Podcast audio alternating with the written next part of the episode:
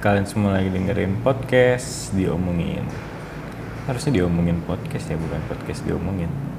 Ya udah ya. Anyway, ini udah episode ketiga di season kedua dan kali ini saya mau ngomongin tentang apa ya kelanjutannya dari episode 0 kalau kalian dengerin episode 0 ya e, di situ saya ngomongin soal masalah self centered atau self self apa self centris terus juga saya ngomongin tentang pokoknya gimana cara pandang saya tentang sesuatu hal dan dengan berasumsi bahwa saya itu orang yang self centris ini sebenarnya agak agak mirip sama suatu fenomena psikologi namanya Dunning-Kruger effect.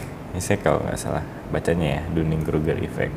Jadi kan di episode 0 saya bilang tuh kalau misalnya saya nggak terlalu suka dengerin opini orang karena merasa opini saya udah cukup baik.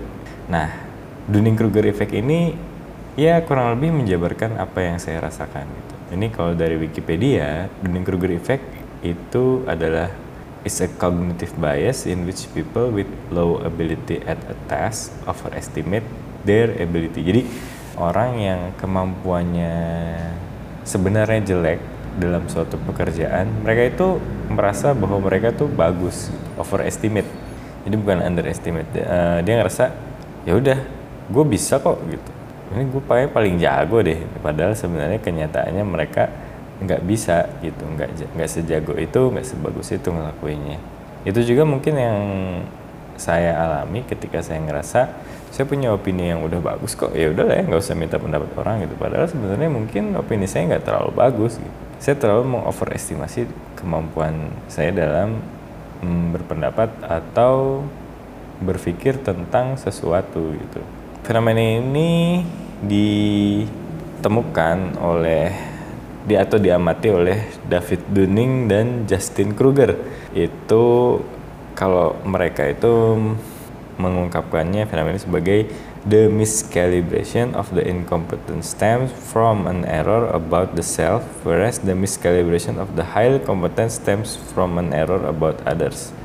Artinya apa ini? Pokoknya intinya kalau saya sih bahasa gampangnya ya, orang yang mengalami Dunning-Kruger effect ini terlalu bodoh buat tahu kalau dia itu bodoh gitu. Pasti ada dalam satu sisi orang itu uh, mereka ya mengoverestimasi kemampuan mereka gitu. Padahal mereka nggak jago-jago amat tapi ya mereka rasanya mereka udah bisa gitu.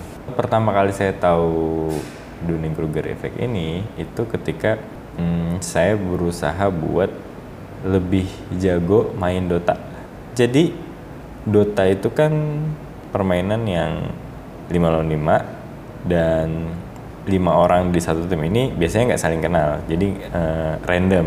Artinya 10 orang random dibagi dua tim 5 lawan 5 saling beradu lah. Dan ada sistem rankingnya namanya MMR matchmaking ranking. Jadi orang dengan ranking tertentu akan dikumpulkan dengan orang di ranking yang sama.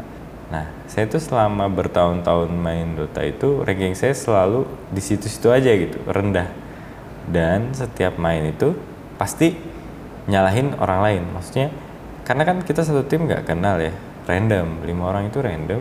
Makanya ketika kalah itu pemain Dota saya salah satunya cenderung menyalahkan ke empat orang yang lain itu gitu ketimbang e, menyalahkan diri sendiri. Kayak misalnya gini, kalau timnya jago mungkin menang lah tapi ini timnya lagi jelek makanya kalah padahal yang nggak disadari adalah lawannya pun itu kan sama-sama random juga orangnya. Mereka juga random nggak tahu dapat teman-teman yang bakal sama-sama jago teamworknya bagus atau enggak gitu. Jadi ini bener-bener kondisi yang random dan akhirnya sebenarnya kalau kita kalah ya mungkin ada kesalahan dari apa yang kita lakukan selama permainan itu gitu. Tapi kita cenderung lebih merasa bahwa kita ini lebih kita ini udah main udah bagus gitu. Kita udah jago orang lain aja yang bego gitu. Nah ini tuh fenomena Dunning-Kruger effect. Dan biasanya orang-orang yang begini nih kebal disalahin gitu nggak mau nggak mau disalahin. Malah cari-cari kesalahan orang lain gitu. Dan ya itu sebenarnya jadi penghambat buat maju gitu. Karena kalau karena kita rasa udah jago akhirnya kita nggak bakal mengevaluasi kesalahan kita selama permainan itu gitu. Nanti ke depannya mungkin main lagi terus dapet tim yang bagus ternyata menang gitu misalnya ya kita juga ngerasanya oh iya ini timnya enak nih mungkin aja padahal di game itu ya kita emang mainnya benar gitu mainnya bagus. Dan tim lawan yang mainnya lagi jelek. Ya itu jadi sebuah bias yang bikin sulit buat seseorang untuk melihat seberapa jauh sebenarnya kemampuan dia sebenarnya gitu. Itu contoh dari game ya. Kalau misalnya dari kehidupan nyata ya kayak gitulah. Kayak saya yang punya op ngerasa opini saya udah paling bagus dibanding opini orang lain itu bakal menutup diri saya dari kemungkinan dapat opini yang lebih bagus atau mungkin yang benar-benar bagus tentang masalah yang ada gitu. Karena saya terjebak sama pikiran saya sendiri. Dan fenomena Dunning-Kruger effect ini punya lawan ya. Lawan dari Dunning-Kruger effect itu yang saya tahu itu ini impostor syndrome.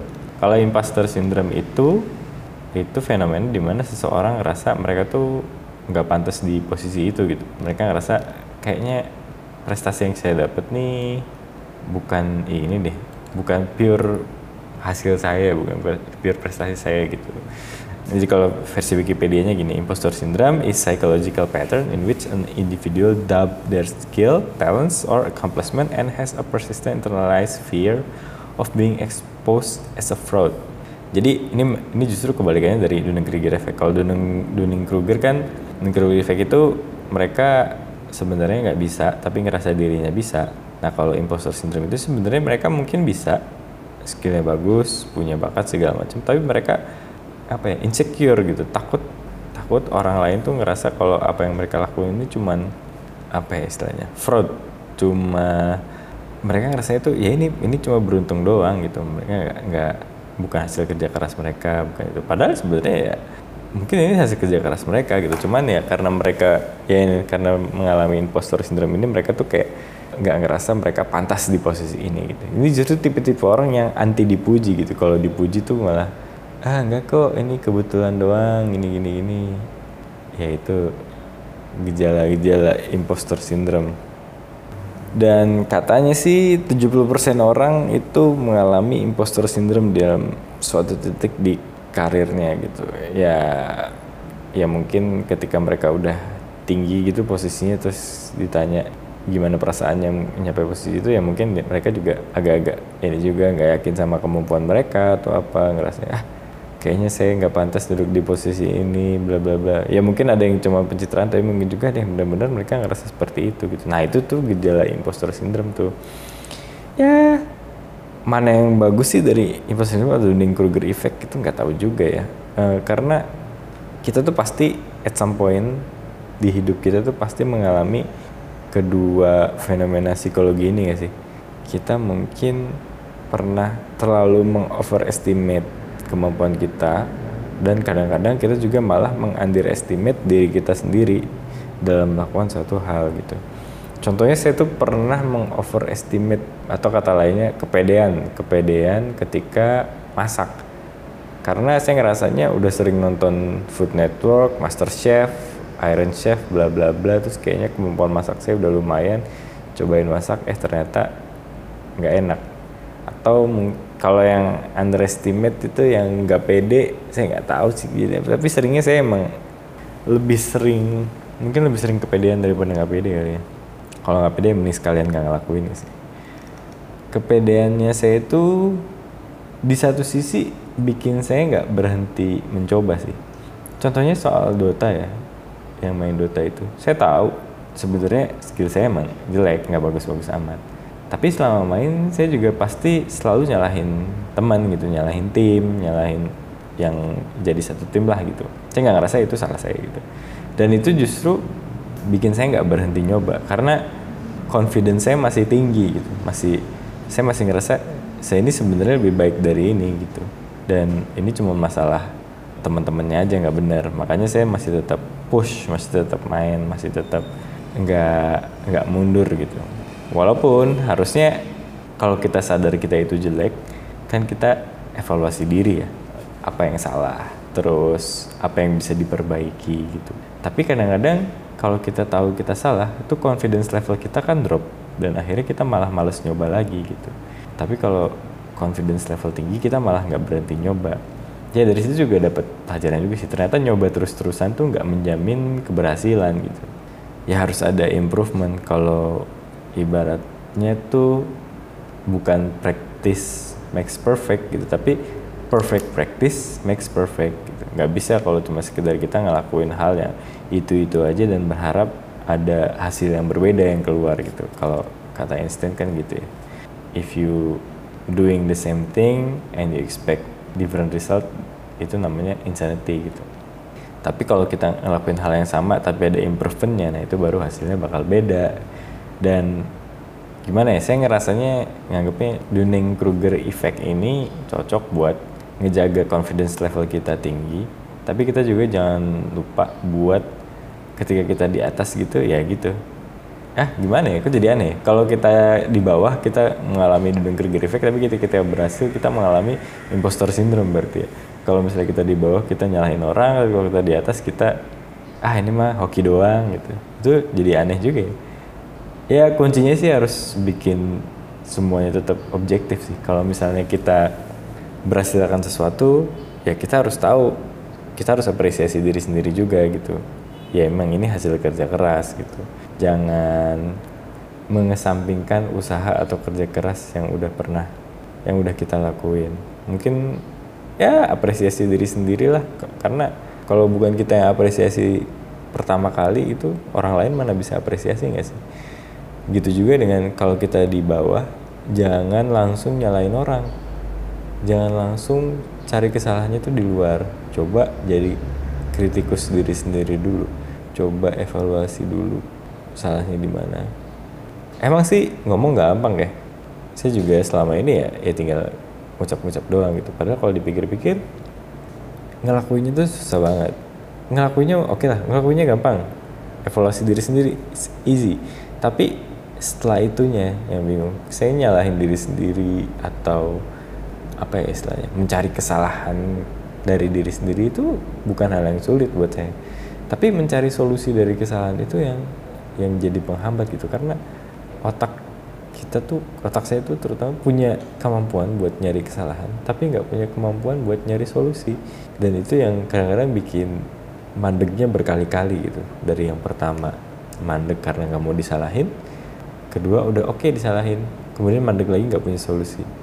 Mungkin habis itu ketemu solusinya tapi mandek lagi nggak ngelakuin. Jadi ya agak-agak gimana gitu ya.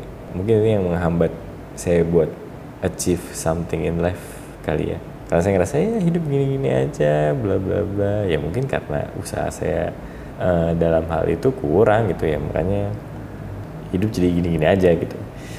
Tapi intinya fenomena Dunning-Kruger effect dan impostor syndrome ini kayaknya saya alami lah dalam kehidupan sehari-hari dan kalau kalian ngalamin juga misalnya ketika kalian overestimate diri kalian atau ketika kalian underestimate diri kalian ya kalian gak sendirian.